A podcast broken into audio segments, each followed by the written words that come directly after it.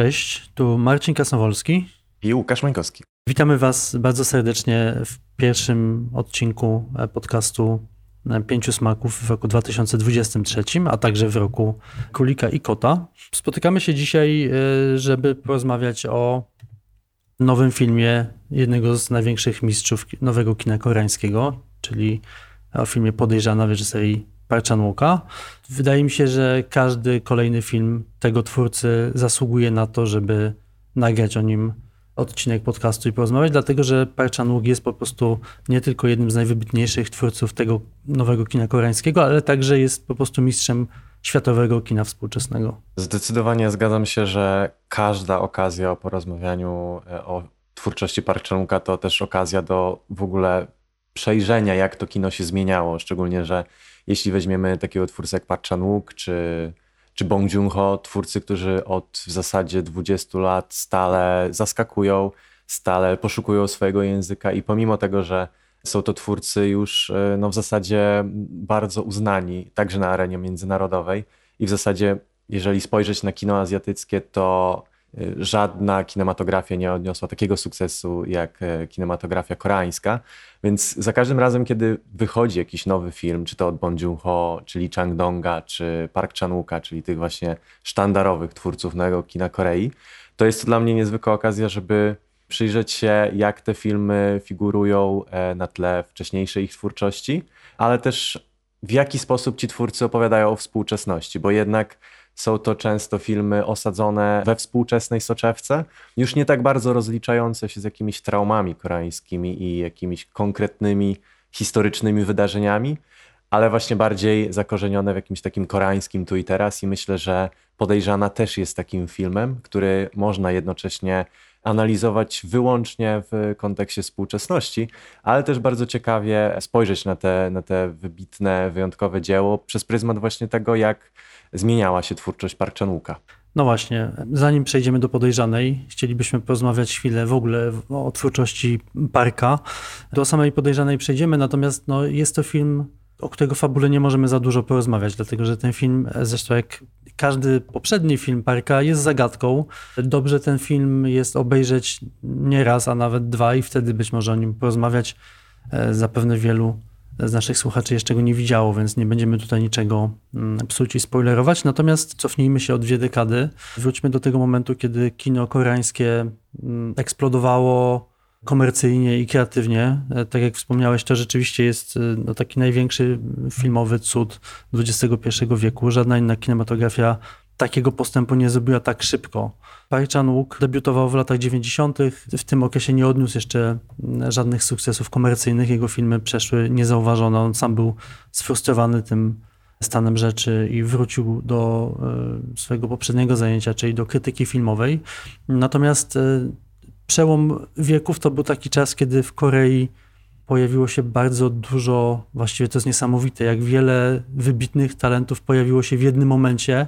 To są ludzie, którzy są dzisiaj przyjaciółmi, znają się jak bardzo dobrze, wspierają się i razem jakby do, do, dorastali do tej rangi mistrzów. Ale to jest niesamowite, że w jednym kraju pojawiło się tak dużo właśnie wybitnych talentów. Park Chan-wook jest jednym z nich. Jego pierwszym wielkim Sukcesem był film JSA Strefa Bezpieczeństwa. Jest to film z roku 2000. Jest to film, który przez parę miesięcy był najbardziej kasowym filmem koreańskim, e, dlatego że to wtedy się bardzo szybko zmieniało te box office. Każdy kolejny film po prostu bił kolejne rekordy. To, to był niesamowity absolutnie czas. Natomiast to, co jest w tym filmie ważne, to to, że po pierwsze bardzo odważnie opowiadał o relacjach Koreańczyków z północy i z południa, Akcja tego filmu rozgrywa się na tym przejściu granicznym przy tak zwanym moście bez odwrotu. To jest jedno i Park, Park wspomina dzisiaj, że właściwie ten film był tak odważny, że mógł do, za niego trafić do więzienia. A druga ważna rzecz, rzecz jest taka, że to jest film, który jest skonstruowany jako zagadka właśnie. Nie tylko jest tutaj zagadka kryminalna do rozwiązania, ale także w, ten film ma strukturę zagadki i docieramy do prawdy jakby na, na, samym końcu za pomocą takich no, flashbacków, retrospekcji i wtedy dowiadujemy się, co tak naprawdę wydarzyło się wśród bohaterów. To też ciekawe, że ten film nie tylko był wyjątkowo ważnym wydarzeniem dla samego Parczenuka, ale też takim wydarzeniem, które z jednej strony zapoczątkowało i wybiło e, aktorską karierę Song Kang-ho, który chwilę później w zasadzie już grał też u Bong Joon-ho i, i, stał się jednym z najbardziej rozpoznawalnych aktorów koreańskich, twarzą kina koreańskiego w zasadzie, tego współczesnego. Tam wciela się w rolę żołnierza e, granicznego z, z północy, ocieplając niewiarygodnie zresztą ten wizerunek takiej figury obcego właśnie z, z, z północy, z Korei Północnej.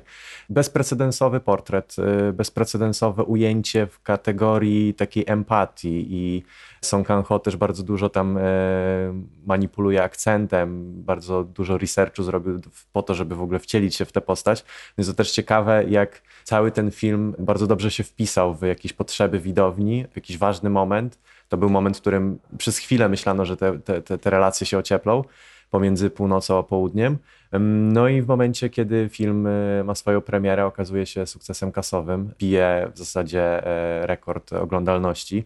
No i wyznacza nowy trend. Trend, który obfituje w jakąś taką artystyczną próbę opowiedzenia o ważnych, współczesnych, e, społecznych tematach, ale z drugiej strony próbę no, taką wypośrodkowaną, bo jest to mimo wszystko dobre kino rozrywkowe.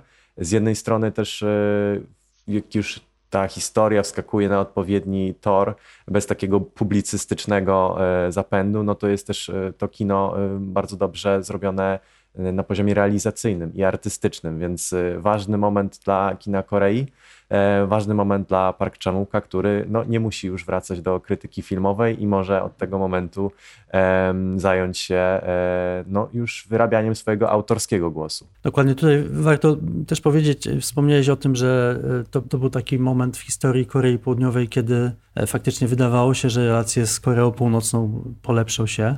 One się nie polepszyły, o czym wiemy, natomiast e, za pomocą filmów udało się jednak e, trochę oswoić Koreę Północną i o ile jeszcze JSA było jakimś przełomem, wcześniej było też Shiri, które pokazywało Koreańczyków z północy jako postaci nienegatywne, to obecnie to obrazowanie Koreańczyków z północy w kinie już tak jest tak daleko posunięte, że to mogą być równie dobrze postaci komediowe. To kinu udało się przestawić trochę myślenie o tych Koreańczykach z północy, to jest ważne. A druga rzecz jest taka, faktycznie wspomniałeś o tym, że to był film dobrze zrobiony i Park Chan-wook należy do tych twórców, których tak naprawdę jest w Korei Południowej niewielu, którzy łączą cały czas ambicje artystyczne z ambicjami komercyjnymi i specjalnie dla, dla niego i dla Bong Joon-ho i też dla Kim Ji-woona, który dzisiaj jest trochę zapomniany, ale wówczas na początku XXI wieku ukuto właśnie taki termin well-made films, dobrze zrobione filmy. To jest szalenie ważne, to znaczy to są filmy e, znakomite, ale to też są tak naprawdę dzieła sztuki po prostu. Każdy kadr e, z, z filmu Park Chan-wooka jest, no, jest piękny, można go wydrukować i powiesić sobie na ścianie, dlatego że jakość tych filmów, ich wartość taka właśnie produkcyjna jest niezwykle wysoka i to też niesamowite, jak bardzo szybko Koreańczykom udało się do takiego poziomu dojść, to znaczy ten przełom to jest rok 99 czy 2000, natomiast Oldboy, Zagadka Zbrodni to jest 2003 rok już. W 4 lata udało się tam postawić kinematografię, która produkowała dzieła na tak wysokim poziomie artystycznym i no my mówimy oczywiście głównie o reżyserach, natomiast tam są też znakomici operatorzy, scenografowie, twórcy muzyki, ścieżek dźwiękowych, no to są, to są dzieła sztuki. I to ciekawe też, że ci twórcy, właśnie y, montażyści, operatorzy, y, twórcy scenografii, oni często też y, stale współpracują ze sobą. Park Chan w zasadzie z większością ekipy, którą współpracował przy swoich poprzednich filmach, ponownie pracuje przy Podejrzanej. I tak, rzeczywiście te filmy są niezwykle, ich poziom realizacyjny jest niezwykle wysoki i to jest, co jest bardzo ciekawe w tym wszystkim, że one są nieporównywalnie tańsze niż te filmy, które są produkowane w Hollywood, że ten poziom artystyczny, jeżeli spojrzymy na, na takie filmy jak The Host, na przykład Bong Joon-ho, który jest wybitnym e, inscenizacyjnie widowiskiem. Tak, jest... a ma efekty specjalne ściągnięte z Australii na przykład. I to jest właśnie ciekawe, że, że Koreańczycy też jakoś sobie wypracowali tę formułę, żeby robić te filmy na równie wysokim, jeśli nawet nie wyższym poziomie, bo mam wrażenie, że realizacyjnie jest na równi, ale ta symbolika i metaforyka, która idzie, idzie za tym, zdecydowanie przewyższa to, co się robi na zachodzie. E, to, to jest jedna kwestia, a druga kwestia jest taka, że bardzo istotne było właśnie to, że nowe kino Korei też y, to są nowi producenci. Bardzo, bardzo ważne osoby, które po prostu wniosły jakiś pomysł, wniosły jakąś taką nową energię, która no właśnie, nie bali się zaryzykować, żeby, żeby, żeby to, czego teraz brakuje w tym koreańskim kinie współczesnym, do czego jeszcze dojdziemy, to to, że właśnie teraz e, nie ma za bardzo pomysłów, a wtedy były. Nie było wtedy lęku przed ryzykiem i no, te historie, które są oryginalne bądź też zaczerpnięte z rzeczywistych wydarzeń, one bardzo mocno e, współgrały właśnie z nastrojami e, publiki.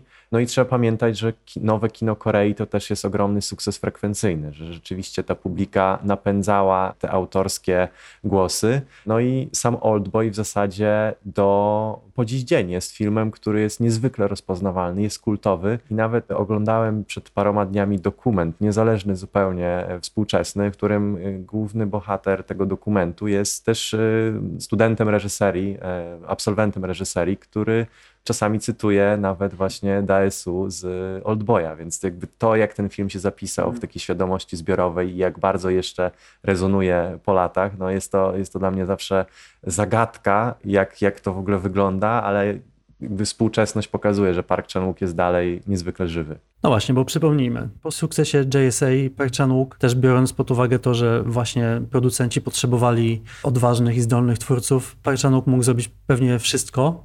Zaczął, skupił się na swoich już własnych pomysłach, na tak zwanej trylogii zemsty. Najpierw wyreżyserował e, Pana Zemstę. Ten film nie odniósł dużego sukcesu kasowego, natomiast środkowa część trylogii, czyli Oldboy, to był, e, myślę, że film, który był pierwszym filmem południowo-koreańskim dla bardzo wielu widzów, także w Polsce. On był w, w kinach, on był w dystrybucji e, regularnej, dlatego że wcześniej e, został pokazany na festiwalu w Cannes. Tam otrzymał nagrodę Grand Prix, czyli drugą nagrodę. Przewodniczącym jury był wówczas Quentin Tarantino. On ten film forsował nawet podobno na Złotą Palmę. Ostatecznie Michael Moore wygrał filmem Fahrenheit 9.11. Już nikt o Michaelu Moore nie pamięta. Natomiast Oldboy, tak jak mówisz, jest y, klasykiem cały czas. I e, to, co się, jakby czynnik, przez który głównie ludzie odbierali Oldboya, to była mm, szokująca, taka gwałtowna przemoc i w ogóle gwałtowność tego filmu. I faktycznie ten film jest bardzo no, brutalny, zawiera dużo scen przemocy, natomiast y, musimy sobie powiedzieć to, że ta przemoc też jest takim wyznacznikiem, jakby cechą charakterystyczną tego nowego kina koreańskiego właśnie na początku XXI wieku i no, działo się tak po pierwsze dlatego, że Koreańczycy chcieli się czymś wyróżnić e, od e, kina hollywoodzkiego, które wcześniej dominowało na koreańskich ekranach, ale z drugiej strony ewidentnie ta przemoc w nich tkwiła. Musieli ją z siebie wyrzucić po no, kilkudziesięciu latach tak naprawdę bycia częścią reżimu militarnego, prawicowego, który po prostu gniótł y, obywateli i sprawiał, że, że czuli się zniewoleni. Zdecydowanie się z tym zgadzam, bo jak, jak spojrzeć w ogóle tak holistycznie i szerzej na, na, na, na kino koreańskie, to rzeczywiście ta przemoc objawia się na wielu, wielu płaszczyznach, bo możemy nawet obejrzeć e, mumblecore'owe, e, niezależne produkcje Hong Sansu, to i tak tam jest dużo przemocy, która objawia się na przykład w języku, w, w alkoholizmie. Nazywajmy rzeczy po imieniu tak naprawdę, bo tam się nie pije po prostu po to, żeby miło spędzić czas, tylko tam się pije po to, żeby zapomnieć tak naprawdę. Ale też w takiej przemocy bardziej dosłownej, jak właśnie w Oldboyu, kiedy główny bohater z zaledwie młotkiem przedziera się w tej pamiętnej, nakręconym, nakręconej w jednym ujęciu scenie pokładając w zasadzie kilkadziesiąt osób, które tam e, się, się podkładają na ten, na te, pod ten młotek. Tak, i jest to jednocześnie piękna scena, to znaczy ona jest tak. bardzo brutalna, jest nakręcona w, w poetyce e, gry wideo, a jednocześnie jest w niej coś pięknego. Znaczy jest ona poetycka, jeżeli mogę tak powiedzieć. Tak, tak, zdecydowanie. No właśnie to jest ciekawe, że ta, ta przemoc bardzo w interesujący sposób współegzystuje, kontrastuje z jakąś taką lirycznością, poetyckością, jakąś taką melancholią, bo bo Oldboy to też jakby nie tylko przemoc, nie tylko cielesność i, i, jakaś taka frenetyczność wręcz, która wychodzi z postaci, ale też takie właśnie melancholijne momenty, jakieś takie momenty zawieszenia, słynne cytaty, które wielokrotnie no, cyrkulu, cyrkulowały po, po, po samej premierze filmu. Ten zresztą najsłynniejszy, y, śmiej się, a świat będzie śmiał się z tobą, płacza, będziesz płakać w samotności. No to są elementy, które gdzieś ustanowiły jakiś fundament y, Oldboya, y, jego kultowy wymiar. Bez tych elementów ten film byłby zupełnie inny.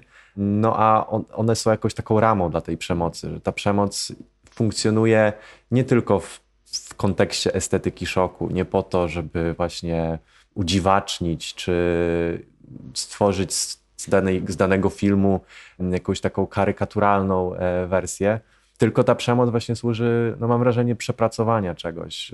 Cała, w zasadzie całe 100 lat y, tej historii współczesnej Korei Południowej obfituje w takie wydarzenia, że w pewnym momencie, kiedy ta swoboda twórcza, otwarta e, w, właśnie w latach 90. między innymi, kiedy staje się możliwe w końcu wypowiedzieć coś na głos, no to twórcy filmowi sięgają właśnie po przemoc, bo ma ona sens. I właśnie w takiej konkretnej ramie ta, ta przemoc wybrzmiewa jeszcze, jeszcze silniej, jeszcze dobitniej. No i myślę, że Park Chan-wook, jak jeden z niewielu twórców, on miał w sobie, dalej ma coś niezwykłego pod względem właśnie tego, jak kończy swoje filmy, jak przemyca taki pierwiastek fatalizmu, który wierca się gdzieś w jakieś największe odmęty samotności i melancholii i bardzo dużo jednocześnie mówi o tym, jaka jest współczesność. Czy to współczesność e, przed dwoma dekadami w przypadku Oldboya, czy współczesność e, ta chociażby z podejrzanej. Tak, to też tak na marginesie ci twórcy, za, zanim e, w ogóle zdebiutowali jako reżyserzy, oni sami jako studenci też protestowali w tych wielkich protestach e, przeciwko rządowi. To tak naprawdę studenci doprowadzili do przemian demokratycznych, natomiast było to okupione wielkim cierpieniem. Pamiętamy na przykład masakrę w Guangzhou, gdzie zginęło kilkaset lub kilka tysięcy osób i to byli głównie studenci, do których wojsko po prostu strzelało na ulicach. Koreańczycy mordowali swoich współobywateli. Także rzeczywiście to pokolenie bardzo dużo przeszło i jednocześnie doprowadziło do dużych zmian. Ale e, tak, Paul Boyu, Pechanuk e, kontynuował tą swoją trylogię zemsty filmem Pani Zemsta. To też był film, który był w e, polskich kinach, przynajmniej w obiegu kin studyjnych i to jest film o tyle ciekawy, że bohaterką tego filmu jest kobieta i jej zemsta jest tematem tego filmu. I tutaj warto o tym powiedzieć, dlatego że jest to pierwszy film, przy produkcji którego Park zaczął współpracować e, z Chung Seo-kyung. E, to jest jego współscenarzystka do dzisiaj. Ona także pisała e, scenariusz do podejrzanej. To jest niezwykle ważne, dlatego że, że no, rzadko się o niej wspomina w ogóle. Myślę, że w Polsce nikt pewnie nie słyszał o jej udziale w, w jego filmach. Natomiast od Pani Zemsty ona ma bardzo duży wpływ na treść filmów Parka. E, myślę, że takim najbardziej oczywistym jest to, że po prostu lepiej rozumie kobiety, bo, bo jest kobietą i te postaci kobiece nabrały wielowymiarowości. I też no, Pani Zemsta jest takim filmem, który jest z jednej strony zawiera bardzo e, brutalne sceny, ta sekwencja wymierzania sprawiedliwości, a z drugiej strony jest to film szalenie taki poetycki i e, bo, bo boleśnie filozoficzny, znaczy jest po prostu pytaniem o to, czy, czy zemsta przynosi ulgę i czy da się w ogóle zemsty dokonać. Tak, to jest, to jest coś, co, co, co się pojawia jako taka, taki leitmotyw całej tej trylogii, począwszy od Pana, Pana Zemsty, który jest najbardziej mroczny, nihilistyczny i posępny. Jest, jest to jeden z najbardziej posępnych filmów, jakie w tym czasie ukazały się w, w nowym kinie Korei. I też myślę, że to jest powód, dla którego ten film nie, nie, nie odniósł takiego sukcesu, jaki się spodziewano po sukcesie e, Joint Security Area. Z Oldboyem, będącym takim na pośrodku, który jest zdecydowanie najbardziej e, okraszony przemocą, mhm. taką dosłowną, jest najbardziej gatunkowym. E, Rozrywkowym też. Też, też. A Pani Zemsta jest, przyznam szczerze, po latach jest chyba moim ulubionym filmem z całej tej trylogii. Właśnie w dużej mierze mam wrażenie przez te mm, aspekty, o których wspominasz, y, nad, którymi pracowała razem z Parkiem Chung Suk Young, która no, wniosła ten element y, jakiejś takiej zabawy, y, zabawy językiem, zabawy cechami takimi naznaczonymi płciowo, że, że tam jest bardzo dużo takiej genderowej gry też. Jest też taka bardzo specyficzna e, baśniowość, nieco upiorna, nieco, nieco dziecięca jest tam też mnóstwo jakiegoś takiego niepoprawnego optymizmu w tym filmie i to jest, to jest ciekawe, bo, bo film, który dotyczy zemsty, a jednocześnie dzieje się w więzieniu w znacznej mhm. części, bo jest to, jest to film opowiadany retrospektywnie, to ma w sobie jakiś taki właśnie ciekawy optymizm, który... A gdzie tam widzisz optymizm? To ciekawe. W tych, w tych jakichś takich żartach, w tych, to jest właśnie to, że to nie jest optymizm na takiej szerszej skali, ale w konkretnych scenach one, ja w nich widzę dużo, dużo komediowego podejścia, jakiegoś takiego lekkiego tonu, który nadaje e, pewnym scenom mikrozemsty jakiś taki właśnie growy wręcz, e, jakiś e, frywolny wręcz wymiar, że, że te sceny, których główna bohaterka no, dokonuje już swoich jakichś takich małych aktów poprzez też współufalanie się z, ze swoimi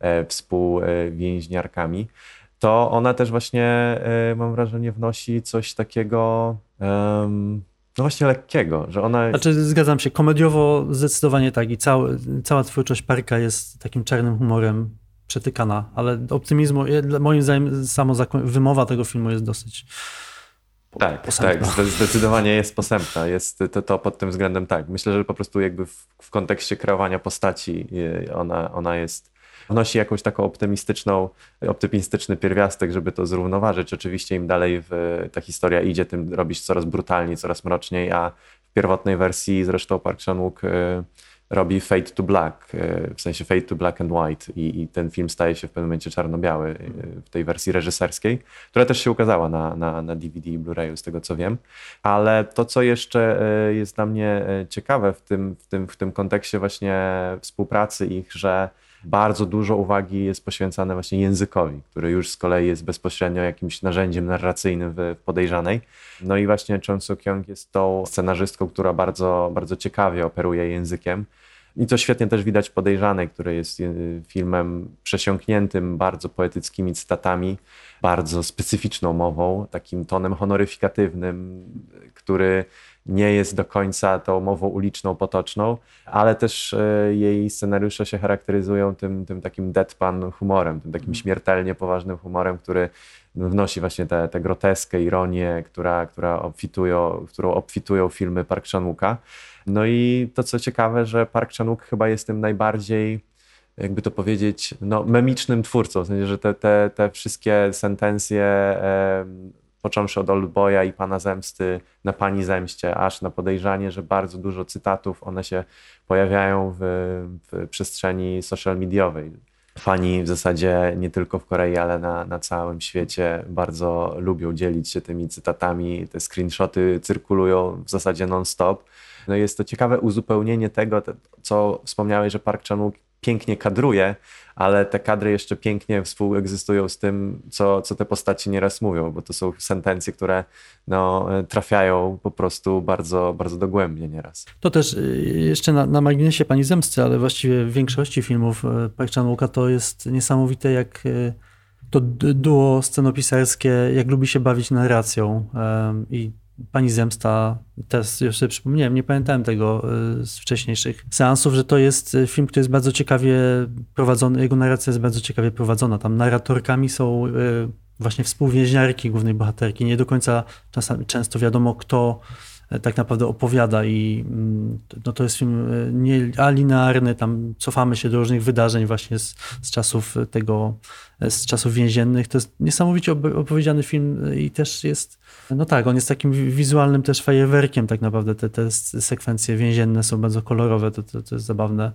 On pod, kojarzy nam się jako ponury faktycznie film, ale widać, że oni mają dużo frajdy z, z zbawienia się właśnie nie tylko słowem, to, to jest ważne oczywiście i to jest coś, co gubimy pewnie w dużej mierze. Będziemy mówić o e, tłumaczeniu też e, podejrzanej, ale po prostu jest to duet niesamowicie sprawny, jeżeli chodzi o prowadzenie narracji. E, to ma duże, e, chyba takim największym wyzwaniem, tak mi się wydaje, była służąca, e, dlatego że ten film był niezwykle precyzyjnie napisany. Jest faktycznie, kiedy go oglądamy pierwszy raz i nie wiemy dokładnie o czym ten film jest, to myślę, że przeżywamy tam parę szoków fabularnych i tych wywrotek. To jest przepięknie napisany film, e, ale w Podejrzanej mamy to samo, może na mniejszą skalę, natomiast tutaj też e, ten film jest e, skonstruowany tak, że on pęka w połowie i to jest, to jest ważne.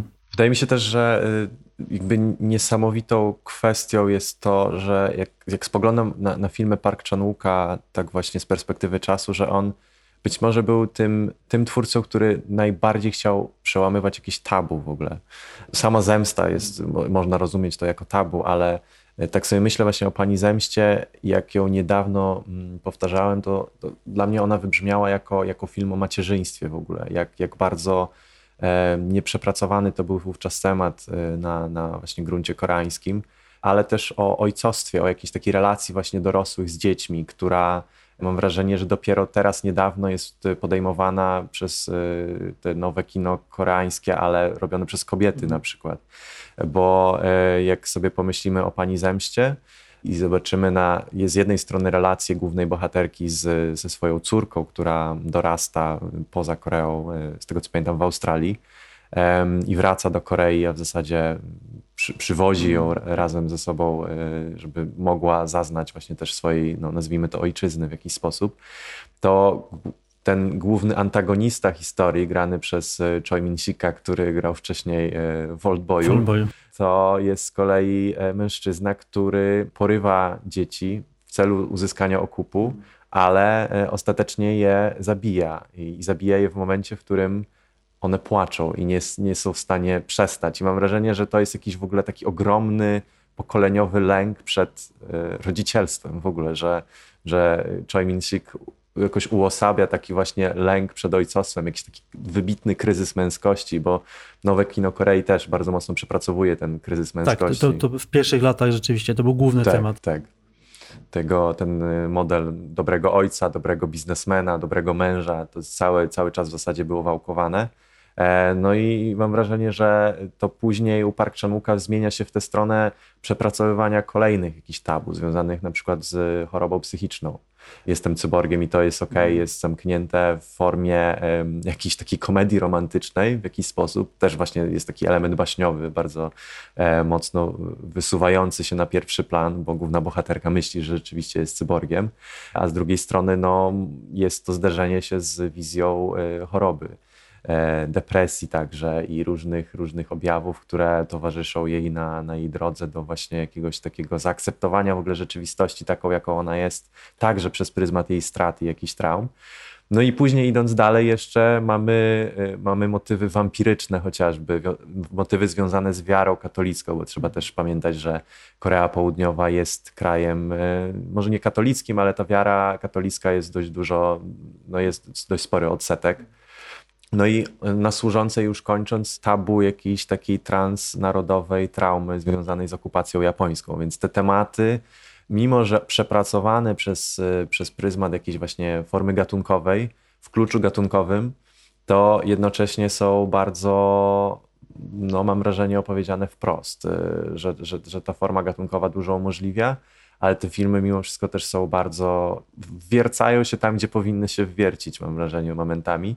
I pomimo, że służące kończy się happy endem, to chyba takim jedynym, jednoznacznym, mam wrażenie, to te filmy jednak no, zostawiają z jakimś takim poczuciem klęski człowieczeństwa. Tak, nie zapominajmy też, e, bo już przeszliśmy e, przez jego filmografię, nie zapominajmy też, że e, Parczanuk w pewnym momencie wyjechał do Hollywoodu na jakiegoś tam Stokera i moim zdaniem jest to, znaczy to był film, który był dobrze odebrany, moim zdaniem nie dość dobrze. Jest bardzo niedoceniony.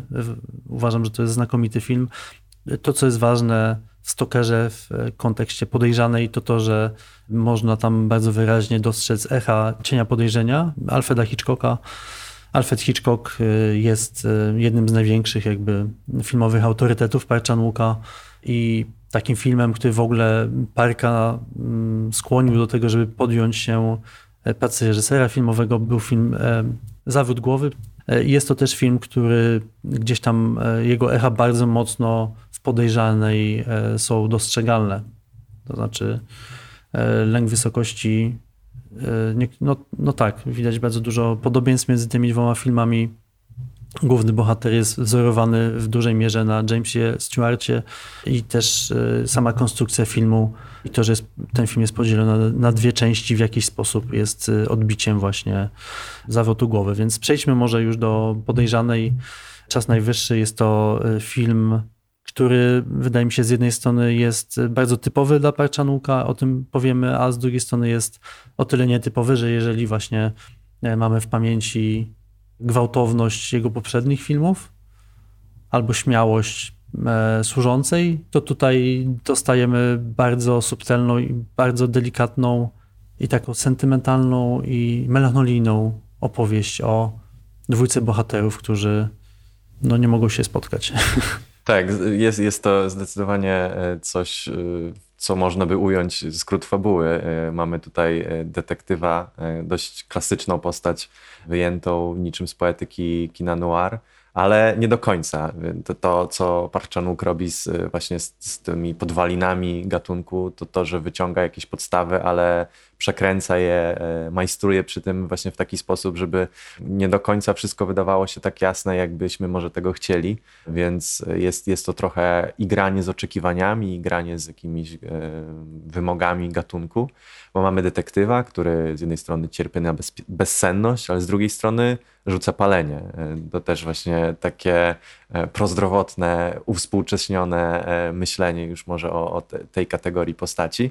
No i, i jak to detektyw jest na tropie e, kolejnego morderstwa, które się nagle przydarza w mieście Ipo, e, mieście, które e, zostało skonstruowane na potrzeby, na potrzeby filmu, mieście, które, które jest spowite bardzo często mgłą, co nadaje dodatkowej właśnie takiej atmosfery do tego, żeby opowiedzieć jakąś historię o, o jakiejś tajemnicy, morderstwie w tym przypadku. Mm, no i mamy tytułowo podejrzaną, która staje się podejrzaną w kontekście tego morderstwa jej męża. I właśnie, jeżeli mogę ci przerwać, przepraszam, e, myślę, że warto jest zastanowić się, skąd się wziął pomysł na ten film. E, I tutaj e, twórcy podsuwają parę motywów, które są dosyć sprzeczne ze sobą. Wspomniałeś o mgle. Parchanuk lubi mówić, że pomysł na ten film wziął się z bardzo znanej piosenki koreańskiej z lat 60. Mgła. Była to piosenka napisana do filmu pod tym samym tytułem. E, mgła i e, ta piosenka przewija się w filmie. Razy ona jest słyszalna także na napisach końcowych. Natomiast dzisiaj dotarłem do rozmowy ze scenarzystką, e, z panią Chung, która mówi, że ona nigdy tej piosenki nie słyszała. Tak naprawdę dopiero jak obejrzała film po raz pierwszy w Cannes, to wtedy w ogóle dowiedziała się, że taka piosenka istnieje. Także Tutaj może miał taki pomysł rzeczywiście, ale nie podzielił się nim. Natomiast też oczywiście takim odniesieniem oczywistym jest y, Hitchcock, o którym wspominaliśmy, bo ta historia w dużej mierze jest Hitchcockowska, o tym będziemy mówić. Natomiast ja bym tutaj chciał jeszcze podsunąć taki trop. E, japoński film z roku 61, e, Wife Confesses. Jest to film, który w zasadzie ma bardzo podobną, punkt wyjściowy jest bardzo podobny. Mamy mm, starszego mężczyznę, który ginie w górach w tajemniczych e, okolicznościach, a jego żona jest, jest podejrzaną tak, gra tam jeszcze też legenda kina japońskiego, y, która w latach 50. i 60. była też takim typem aktorki symbola w zasadzie, który, który funkcjonował y, u wielu reżyserów. Tutaj ten film wyreżyserował Yasuzo Masumura, y, który no, bardzo też często sięgał te, po tematy jakiejś takiej seksualności, sensualności. I rzeczywiście to, co jest tam ciekawe, że bardzo dużo też scen rozgrywa się w kontekście przesłuchania. Znaczna tych, tych, tych scen przesłuchania jest też w bardzo ciekawy sposób kadrowana. W zasadzie y, Masumura używa wewnątrzkadrowego montażu, bardzo często kadruje postać w kontekście jakichś takich organicznych elementów, e, żeby wzmocnić jakiś taki wydźwięk jej zagubienia. E, no i ostatecznie nie do końca wiemy, kto, kto jest winny temu. E, I też tam jest wątek zakochania się w, w kontekście tego, że czy ona jest winna, czy nie, i, i, to w jaki sposób ona wchodzi w relacje z kolejnymi jakimiś osobami, jest bardzo, bardzo specyficzne. I tak jak e, właśnie A Wife Confess jest takim filmem, który mam wrażenie zainspirował e, Park Chan-wooka, tak mam wrażenie, że Parasite z kolei był zainspirowany innym japońskim filmem, z kolei Yuzo Kawashimy z 1962 roku, o tytule The Graceful Brood. I mam wrażenie, że to kino właśnie takie noirowe, nowofalowe, gdzieś na pograniczu też, też kina gatunkowego, służy jako bardzo ciekawy odnośnik y, dla, dla tych no, y, koreańskich twórców. No bo też y, jeśli spojrzymy na lata 60., no to oczywistą taką inspiracją był dla już koreański twórca Kim Ki-young z Hanyo, z Pokojówką między innymi i, i Park Chan-wook wielokrotnie też podkreślał w swoich wywiadach, że, że dla niego Kim Ki-young był mistrzem dialogu na przykład. Też wielokrotnie porównywanym do Hitchcocka swoją drogą.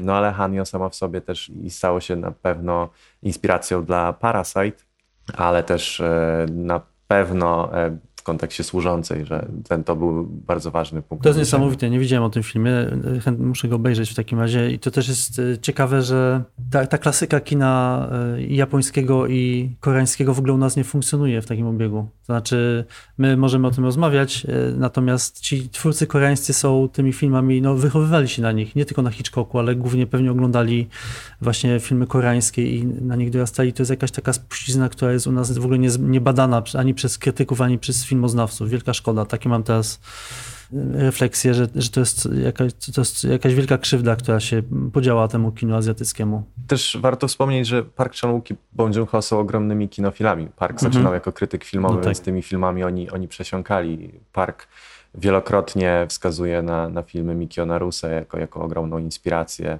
Zresztą Ryusuke Hamaguchi też wielokrotnie y, zdobywca Oscara za Drive My Car, ten, tego twórcę akurat wymienia, więc to jest ciekawe, jak, jak inny kanon, mam wrażenie, funkcjonuje dla, dla tych współczesnych twórców, jak na innych filmach się wychowywali i wychowywali, wy, wypracowywali swoją jakąś taką filmową wrażliwość.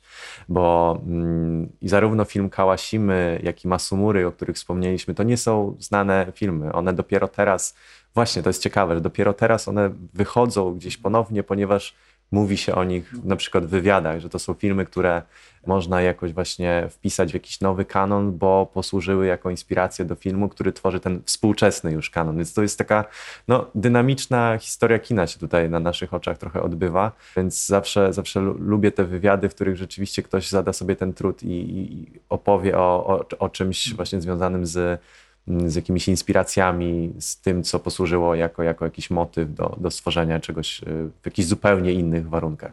Mam takie poczucie, że nigdy tego nie nadrobimy, że u nas cały czas y, historia kina to jest historia Oscarów i tych filmów nominowanych i to jest kanon jakiś taki, który nam się próbuje wmówić, że jest ważny, natomiast y, no nie, właśnie lata 60. na przykład w kinie koreańskim były tak niezwykle bogate, i te filmy w dużej mierze są dostępne na YouTubie oficjalnie, więc zachęcamy zawsze, żeby je oglądać. Ale wróćmy do podejrzanej. Wspomniałeś o montażu w filmie Wife Confesses. W podejrzanej ta pierwsza scena spotkania bohaterów, scena y, przesłuchania, montaż też jest niezwykle, niezwykle ważny. Jest to niezwykle piękna sekwencja, w której y, bohaterowie są, tak konfrontują się ze sobą, ale także bardzo dużą rolę odgrywa lustro.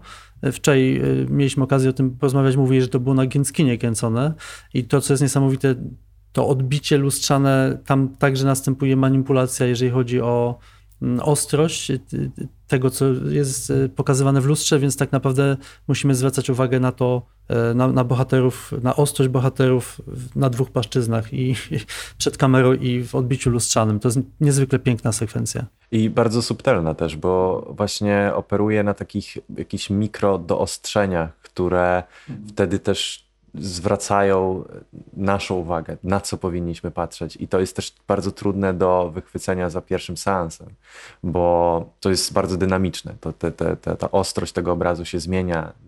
W zasadzie te, te kadry przeskakują stale i to, co się tam odbywa tak naprawdę, to jest taka jakaś taka pantomima pomruków, gestów, jakichś y, drobnych grymasów, które wskazują na no już rodzące się jakąś, jakąś taką chemię, bo z jednej strony mamy scenę przesłuchania, ale jest to scena, która moim zdaniem wygląda bardziej jak scena jakiejś pierwszej randki nawet.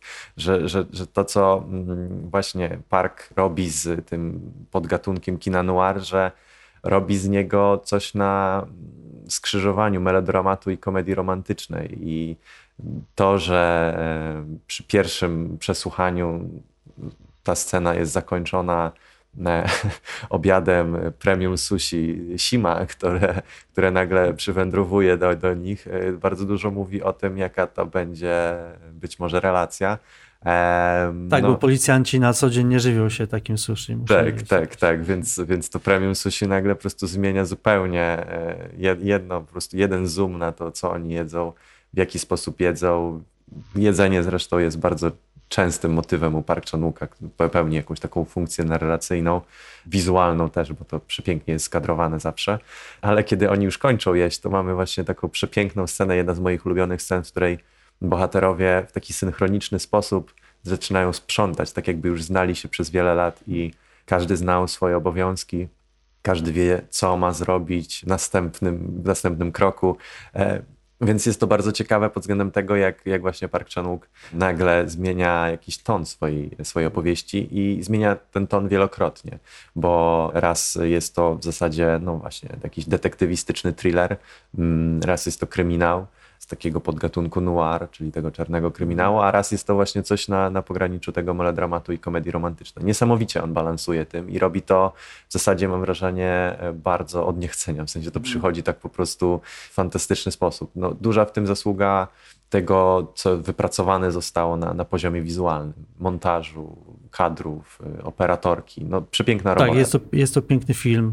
Każdy kat też można powiesić sobie nad, nad łóżkiem pewnie. E, musimy uważać, jakby nie możemy Państwu też za dużo podsuwać tutaj informacji, natomiast myślę, że mm, śmiało możemy porozmawiać o aktorach, którzy występują w tym filmie, dlatego że e, no, mówi się, że e, to jak ten film został napisany, znaczy został napisany pod konkretnych aktorów, I tutaj bardzo ważną e, częścią fabuły jest to, że bohaterka nie jest Koreanką, jest Chinką, która przyjechała do Korei i jest grana przez Tang Wei, czyli przez wybitną chińską aktorkę. E, I podobno Park Chan-wook, kiedy podczas pracy mm, nad scenariuszem zapytał Chang, to było widocznie jej pomysł, żeby bohaterka była mm, pochodzenia chińskiego. Zapytał ją, ale czemu ona jest Chinką, a nie Koreanką? I wtedy ona odpowiedziała, dlatego, że wtedy możemy zatrudnić Tang Wei. Tak się stało. I tutaj e, no, e, ten motyw języka jest e, szalenie ważny. To jest coś, co prawdopodobnie nam gdzieś tam przepadnie niestety w tłumaczeniu i bardzo wielu rzeczy na pewno nie, nie będziemy w stanie wychwycić, mm, ale ona porozumiewa się koreańskim, którego się nauczyła z dram telewizyjnych, więc jest to język używany na co dzień przez Koreańczyków. On podobno jest jak najbardziej poprawny, tylko jest taki bardzo ornamentowy, elegancki. I to też jest zabawne, że Koreańczycy podchwycili to i podobno jest jakaś taka e, moda, nie wiem jak bardzo szeroka, że Koreańczycy też zaczęli tego języka używać. I tutaj warto powiedzieć, że ten film z koreańskiego na angielski był przetłumaczony przez Darcy Packeta, czyli osobę szalenie zasłużoną dla nowego kina koreańskiego, autora najlepszej książki o nowym kinie koreańskim, ale też y, takiego regularnego tłumacza. Przetłumaczył m.in. Parasite, y, przetłumaczył wiele filmów Hong Sang-soo i to, co jest niezwykłe, to to, że on tłumacząc spotyka się z reżyserami i sobie dyskutują na temat tego tłumaczenia. Tak, jest, jest to niezwykle, e, można powiedzieć, żmudny, ale wielopłaszczyznowy proces, który trwa i trwa. Świetna w ogóle perspektywa. Też y, można ją poznać na, na, w artykule, który Darcy Packet napisał dla, dla Mubi. Bardzo polecamy, bo, bo jest to perspektywa, o której bardzo rzadko się mówi, a która mam wrażenie bardzo dużo opowiada o tym, no właśnie, jak ten proces wygląda. I też w jednym z y, numerów ekranu pojawił się wywiad, który miałem właśnie okazję zrobić z Darcym i, i no, to jest człowiek, który jest tam na miejscu, jest mhm. przesiąknięty tymi historiami, niesamowity sposób właśnie wypracował swoją formę współpracy z, z reżyserami. No i rzeczywiście ten język tutaj jest y, niezwykle nośny, bo, bo raz, że mamy wiele znaczeń, ta warstwa semantyczna niektórych sekwencji, sentencji i słów, które w ogóle się, się pojawiają, jest y, bardzo zniuansowana właśnie trudno o niektórych rzeczach mówić bez spoilerowania, a z drugiej strony też e, bez znajomości języka koreańskiego, że to jest na pewno dla osób, które się interesują e, językoznawstwem, to będzie ogromna frajda. Ale to, co jest jeszcze ciekawe w tym wszystkim, że mm, mamy język, który jest językiem cyfrowym, nazwijmy to, bo y, Park Chan-wook jak mało kto, a w zasadzie nie przychodzi mi inny twórca do głowy, Mam wrażenie, że kiedyś był to może David Fincher, który potrafił w kinie hollywoodzkim y, coś podobnego robić. Operuje właśnie takim językiem cyfrowym. Jeżeli mogę ci tu przerwać, zaraz do, o, o coś cię zapytam, y, ale właśnie, bo y, wiemy, że Park chan nie chciał, żeby ta historia rozgrywała się współcześnie, dlatego że, że wolał, żeby bohaterowie pisali do siebie kwieciste listy, a nie wysyłali SMS-y. To nie jest twórca, który kojarzy się z, nie kojarzył się wcześniej z technologią, chociaż tutaj chciałbym zauważyć, że nakręcił swego czasu, ponad 10 lat temu, nakręcił ze swoim bratem, który nie jest filmowcem, nakręcił film Night Fishing iPhone'em czwartym i dostał nagrodę za najlepszy film krótki na festiwalu w Berlinie. Także jak chce, to, to potrafi technologią się obchodzić. Natomiast ty nazwałeś to, co on robi cyfrowym romantyzmem. Jeżeli mógłbyś to tak, rozwinąć. Tak, no właśnie to jest, to jest ciekawe, bo mm, Park Chan-wook, żeby opowiedzieć o, o jakimś romansie, właśnie wykorzystuje telefony komórkowe, smartwatche, jakieś urządzenia, aplikacje. On jest bardzo świadomy tego, jak te urządzenia i technologia w ogóle została wpisana w naszą codzienność, jak determinuje nieraz nasze wybory, rytm dnia codziennego. No i determinuje też y, niektóre decyzje właśnie głównych bohaterów. To, co jest w Hitchcocku takim elementem bardzo ważnym, jest podglądanie i, i śledzenie kogoś, i to wybrzmiewa także w podejrzanej, a te wszystkie sceny, które możemy sobie wyobrazić, jak wyglądałyby właśnie gdyby Hitchcock kręcił teraz, no to właśnie są, mam wrażenie, w podejrzanej, że to jak, jak, jak czasami kadruje w ogóle przez y, jakieś oko telefonu, mm.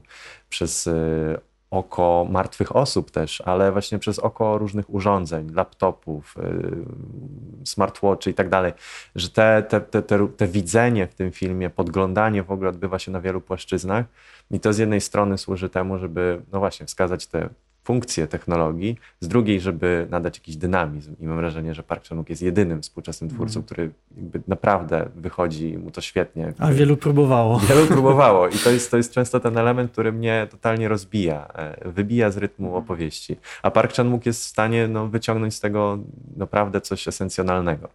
No, a ostatecznie służy to temu, żeby opowiedzieć właśnie o, o jakimś braku bliskości, o, o jakimś takim emocjonalnym no, jakiejś emocjonalnej niemocy, bo ta technologia wybrzmiewa też bardzo ciekawie właśnie z tym językiem, e, kiedy Sere, czyli podejrzana, e, nie jest w stanie czegoś opowiedzieć e, w języku koreańskim, opowiada po chińsku, a zwykle są to momenty, w których opowiada o, o swoich emocjach, o czymś, co bardzo mhm. przeżywa. I, I to jest bardzo ciekawy proces, bo ona wtedy mówi to po chińsku, główny bohater tego nie rozumie. Czekamy na, na, na aplikację translatora, który nam to wszystko przetłumaczy takim chłodnym, bardzo zimnym, stalowym wręcz głosem sztucznej inteligencji. No i czasem przy tym ona jeszcze gestykuluje do tego, więc jest, jest bardzo ciekawe na takiej płaszczyźnie performatywnej. To są sceny, które z jednej strony wnoszą jakiś taki element frustracji, bo trwa to tyle, żeby coś zakomunikować, ale z drugiej strony przynoszą element właśnie uczestniczenia w czymś zupełnie wyjątkowym, bo, bo mamy aplikację, która komunikuje o emocjach w sposób bezemocjonalny. Więc jest taki ogromny paradoks w tym wszystkim, ale z drugiej strony właśnie bez tej aplikacji nie byłaby w stanie opowiedzieć o tym, o czym chce opowiedzieć. Ale jest ta bariera między nimi. Jest to, jest to bardzo, bardzo ciekawe, jednocześnie wzmocnienie jakiegoś takiego aspektu codziennego, aspektu trywialnego wręcz, bo wielokrotnie jesteśmy w sytuacji, w której musimy komuś z innego kraju na przykład coś przetłumaczyć. Prawdopodobnie wiele z nas słuchających tutaj, my pewnie też znaleźliśmy się w takiej sytuacji, gdzie, gdzie tego wykorzystywaliśmy i prawdopodobnie będziemy wykorzystywać jeszcze częściej, więc jest to, jest to ciekawe uchwycenie tej, tej współczesności.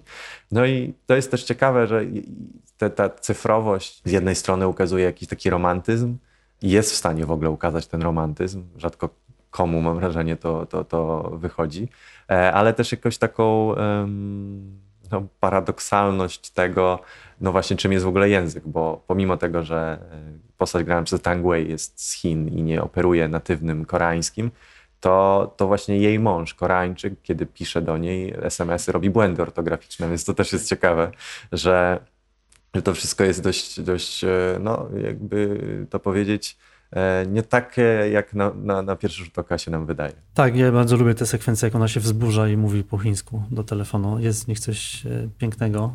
Tang Wei też jest e, absolutnie znakomitą aktorką. No i cóż, i w, w tym momencie chyba dochodzimy do takiego miejsca, gdzie nie, nie możemy zdradzić właśnie więcej. Wydaje mi się, że to, co jak trzeba ten film oglądać, to po prostu wspomniałem, warto go obejrzeć dwa razy, dlatego że Park umieścił w nim bardzo dużo takich małych elementów, które mm, wskazują na, na to, co bohaterowie czują i czemu zachowują się tak, a nie inaczej. I to są e, na przykład właśnie funkcja kurtki bohatera, który ma w swoich kieszeniach e, poukrywane bardzo dużo różnych małych przedmiotów codziennego użytku i to, jak kobiety jego życia, mm, że tak powiem, szukają w tej kurtce rzeczy. I motyw też na przykład dwóch żywiołów, które są w tym filmie zderzone, czyli gór i morza. Funkcja sukienki, bohaterki, to są takie rzeczy, które mm, no, wskazują na, na znaczenie i na e, końcowy wydźwięk tego filmu, ale też sam, sam tytuł Decision to Live, on został przetłumaczony dosyć brutalnie na e, podejrzana, ale wydaje mi się, że ten angielski tytuł jest e, zdecydowanie lepszy. Tak, i wielo, wielopłaszczyznowy też. No i też odsyła nas do takich kwestii językowych, co, co jest decyzją o, o jakimś opuszczeniu czego, gdzie, gdzie to następuje, w którym momencie też. To jest bardzo ciekawe, jak, jak już się obejrzy ten film, na przykład po raz pierwszy i po raz drugi się ogląda, to wtedy można sobie gdzieś przypisać, czym jest dokładnie to decision to live. No, wydaje mi się, że właśnie to, co jest jeszcze niesamowite, jak ten film dialoguje z innymi tytułami. Wspomnieliśmy o kilku, wspomnieliśmy o Hitchcocku. Wspomniałeś o tej sukience, ona też już pojawiła się raz u Tang w filmie Długa podróż dnia ku nocy y, w reżyserii Bigana. Też właśnie w takiej roli trochę symbolicznej, takiej efemerycznej, e, o takiej nieuchwytnej postaci, postaci niemalże ze snu. No i mam wrażenie właśnie, że Tang jest tutaj też tak bardzo świadomym wyborem, bo z jednej strony dialoguje z jej rolą, z ostrożnie pożądanie Angali, też filmu o podglądaniu, o odgrywaniu, o, o, udawaniu kogoś innego. Z drugiej strony właśnie ta długa podróż dnia ku nocy, a teraz właśnie ta podejrzana i jeszcze, jeszcze Hitchcock. No wyjątkowe połączenie, które jednocześnie bardzo klasycznym, to co powiedzieliśmy na początku, filmem Park Chan-wooka, filmem zagadką, filmem o, o jakimś takim emocjonalnym mm, wycofaniu, o jakimś właśnie, o postaciach, które niekoniecznie są w stanie zakomunikować o swoich emocjach. O tym też jest podejrzana. No i jest też filmem o, o braku snu, o braku różnych elementów, które, które składają się na, na nasze życie codzienne. A i dlatego też cieszy mnie, że Park Chan-wook się zmienia ze każdym swoim filmem, że jest w stanie zaobserwować to, jak współczesność się zmienia i uwzględnić ją w swoich filmach, a że ma niezwykły dryk do tego, by czynić ze swoich filmów no, ogromne dzieła sztuki, przepiękne wizualnie, ale też narracyjnie, niezwykle precyzyjnie. Więc, więc jego, jego twórczość jest dla mnie zawsze e, w zasadzie jakimś wydarzeniem. Nieważne, co by zrobił, a wiemy, że będzie, będzie dalej tworzył i w zasadzie już teraz ma plany na trzy kolejne projekty, w tym serial HBO. Tak, no pojawiły się też takie głosy po podejrzanej, że Park chan się powtarza, e, że zjada własny ogon. Ja tego kompletnie nie uważam tak. To znaczy, myślę, że ma, ma, swój styl, ale też jednocześnie się rozwija, tak jak powiedziałeś, ewoluuje jako artysta. Uleciała z niego ta wściekłość i przemoc. To jest też cecha w ogóle kina, nowego kina koreańskiego. Ono się zmieniło. E, to kino zemsty uległo wyczerpaniu. Myślę, że głównie po filmie I Saw a Devil Kim Ji-wona, bo już nic więcej się nie da w tym, w tym temacie powiedzieć. Jest to film absolutnie przerażający. Ile można jeszcze uderzyć młotkiem w głowę? Dokładnie, e, a jednocześnie, znaczy jest to film po prostu e, łagodny ale i subtelny, ale we mnie zostawił jakieś, jakąś emocję, e, która siedzi głęboko i kiedy oglądałem ten film drugi raz, podobał mi się jeszcze bardziej i myślę, że obejrzę go jeszcze co najmniej raz. I tak, no jest, jest, to, jest to piękny film i też należy zaznaczyć, że to kino koreańskie obecnie jest, e, no, przeżywa kryzys dosyć poważny, kreatywny i może więcej rzeczy się nawet dzieje teraz e, ciekawszych w streamingu i e, obszarze seriali niż kina. Natomiast Park Chan-wook obok Bong Joon-ho cały czas jest takim trwałym filarem i nie zawodzi. Także bardzo Państwu polecamy Podejrzaną w kinie. Na pewno ten film warto obejrzeć. Przynajmniej raz przynajmniej raz, bo jest to po prostu przepiękny, znakomity film. Bardzo Państwu dziękujemy. Dziękujemy.